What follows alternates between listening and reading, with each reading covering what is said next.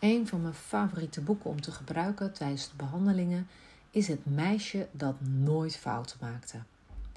Het is een hartstikke mooi boek over mindset. En mindset is dus de manier waarop je denkt over jezelf en de wereld om je heen.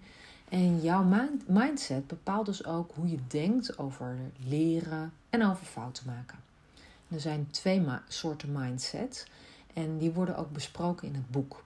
Het boek is echt een aanrader om samen met kinderen te bespreken, om samen te lezen, om samen te bespreken wat het meisje nu eigenlijk allemaal meemaakt, uh, hoe ze zich voelt en of dat overeenstemt of dat kinderen dat herkennen, dat zij dat gevoel ook wel eens hebben. En uh, nou, zoals ik al zei, er zijn twee soorten mindset. En je hebt dus een fixed mindset en je hebt een growth mindset. Een fixed mindset is als je denkt dat je blijft zoals je nu bent en je blijft kunnen wat je nu kunt. En dat dat dus niet zal veranderen. Dus groei, daar heb je eigenlijk niet van gehoord. Ehm, je bent zoals je bent. En je voelt je slim en goed over jezelf als je de dingen snel en perfect doet. En daarom doe je liever geen dingen die je moeilijk vindt. Dus fouten maken, oefenen, hard werken voor iets vind je heel erg, omdat je dan denkt dat je dom bent. Nou, een growth mindset is dat uh, je denkt dat je steeds verandert en nieuwe dingen leert. Dus je voelt je goed als je moeilijke dingen doet. Omdat je weet dat je daarna beter in iets bent geworden. En fouten maken, ja, dat hoort er nou eenmaal bij.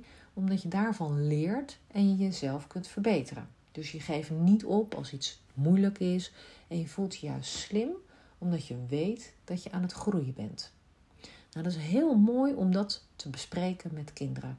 Want heel vaak zitten kinderen, zeker kinderen met TOS, met dus een taalontwikkelingsstoornis, kinderen met dyslexie, kinderen met werkgeheugenproblematiek, die voelen zich al ja, heel slecht over zichzelf. Hè? Want ze kunnen iets niet wat voor anderen schijnbaar heel makkelijk lijkt te zijn. Ze moeten daar tien keer zo hard voor werken dan de andere kinderen. En vaak geven ze dan de moed op en denken: ja, dat oefenen heeft toch geen zin het lukt me toch niet. En dan is het dus heel mooi om dit soort mindset dingen te bespreken. Om dit boek ook samen te bespreken. Omdat je zo inzicht krijgt in ja, denkprocessen, maar ook inzicht krijgt in, ja, oké, je kan misschien niet alles. Eh, dat is ook helemaal niet erg. Maar Um, ga leren, ga proberen, ga fouten maken. Dan zul je zien dat het uiteindelijk misschien wel gaat lukken. dan uh, zal je zien dat je aan het groeien bent, dat je aan het leren bent, dat je aan het bouwen bent.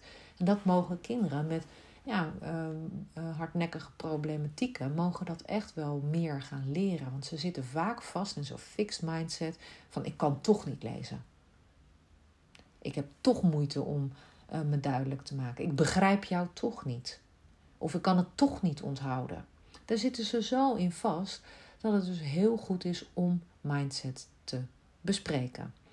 En het kan ook overigens zijn dat je voor het ene een growth mindset hebt en voor het ander dus een fixed mindset hebt. Dus, uh, hebt. dus het is niet zo dat je als je uh, als we concluderen zeg maar, dat je een fixed, mind, uh, fixed mindset hebt, dat je dat dan voor alles hebt. Want wat je wel vaak ziet, kinderen bijvoorbeeld met dyslexie, die hebben dan heel veel moeite met lezen en spellen. En nou, voelen zich daardoor dus dom. Hè? En ze geven eigenlijk de moed op. Ze denken toch van nou laat maar, ik kan het toch niet. Maar die zie je bijvoorbeeld wel uh, met voetballen of met hockey of met dansen of nou, noem maar iets dat ze daar dus wel zo'n growth mindset in hebben. Of dat ze met bakken of tekenen of iets anders, hè, dat ze dan wel durven proberen, dan wel durven leren, dat ze dan wel durven om te groeien.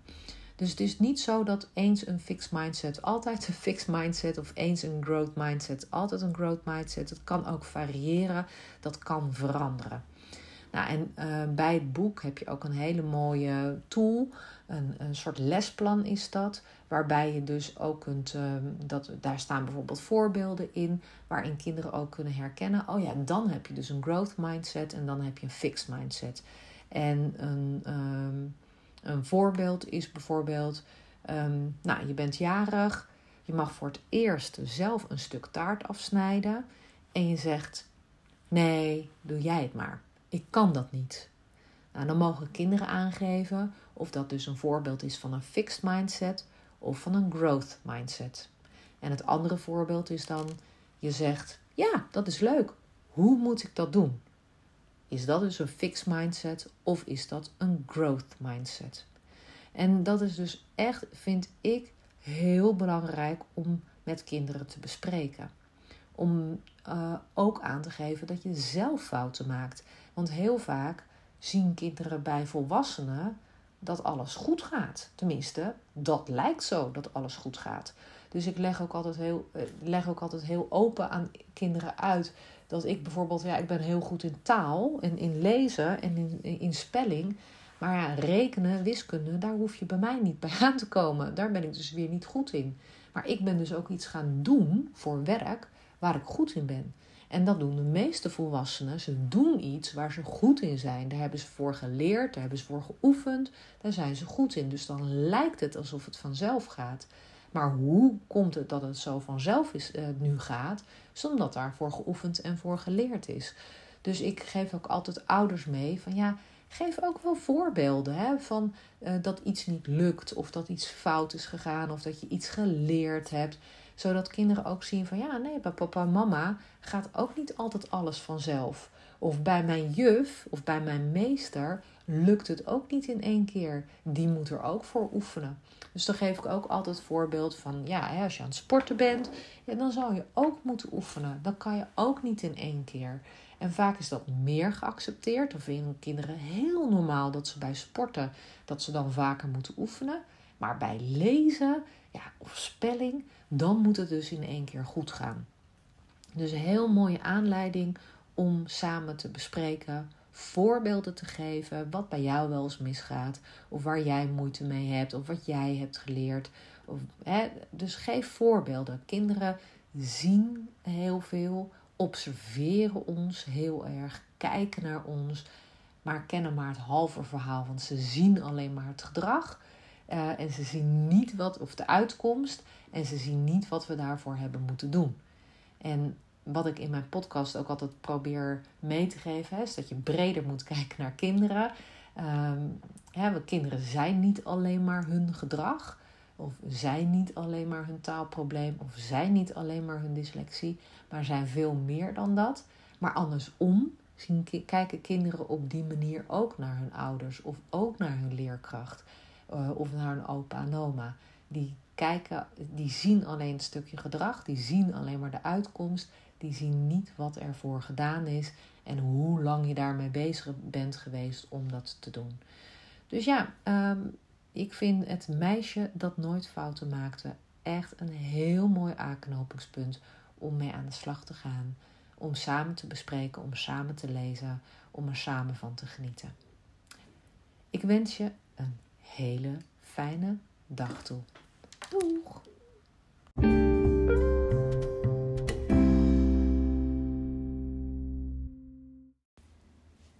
Welkom bij de podcast Groeischool. Mijn naam is Chantal Mailly, ik ben logopedist en ik vind het ontzettend leuk dat je weer luistert naar mijn podcast, waarin ik waardevolle inzichten deel over het stimuleren van de taalontwikkeling bij kinderen en ik je tips geef over hoe je hun zelfvertrouwen kunt vergroten. Dankjewel voor het luisteren. Nog even kort een paar belangrijke dingen. Ten eerste, het is mijn missie om meer aandacht te krijgen voor taalontwikkeling en TOS, taalontwikkelingsstoornissen. Meer aandacht voor wat een kind wel kan en meer aandacht voor het bouwen aan een stevige taalbasis, zodat ieder kind met vertrouwen de toekomst tegemoet kan gaan. Daarom maak ik deze podcast voor jou. Ten tweede, wil je alle podcastafleveringen overzichtelijk onder elkaar? Abonneer je dan op deze podcast. Klik in je podcast-app op de button abonneren. Elke keer als er een nieuwe podcastaflevering gepubliceerd wordt, ontvang je dan automatisch een berichtje. Ten derde, ondersteun je mijn missie? Geef me dan een review via je podcast-app, bijvoorbeeld iTunes of Spotify. En op die manier kan ik nog meer professionals en ouders bereiken. Ken je een collega voor wie deze podcast ook interessant is? dan zou het super zijn als je hem of haar de podcastaflevering doorstuurt. Ik vind het ook altijd superleuk om berichtjes te ontvangen van luisteraars om te horen wat je van de podcast vindt of als je vragen of suggesties hebt. Stuur me maar een berichtje naar chantal.groeischool.nl of stuur me een connectieverzoek op LinkedIn. Bedankt voor het luisteren en tot de volgende aflevering.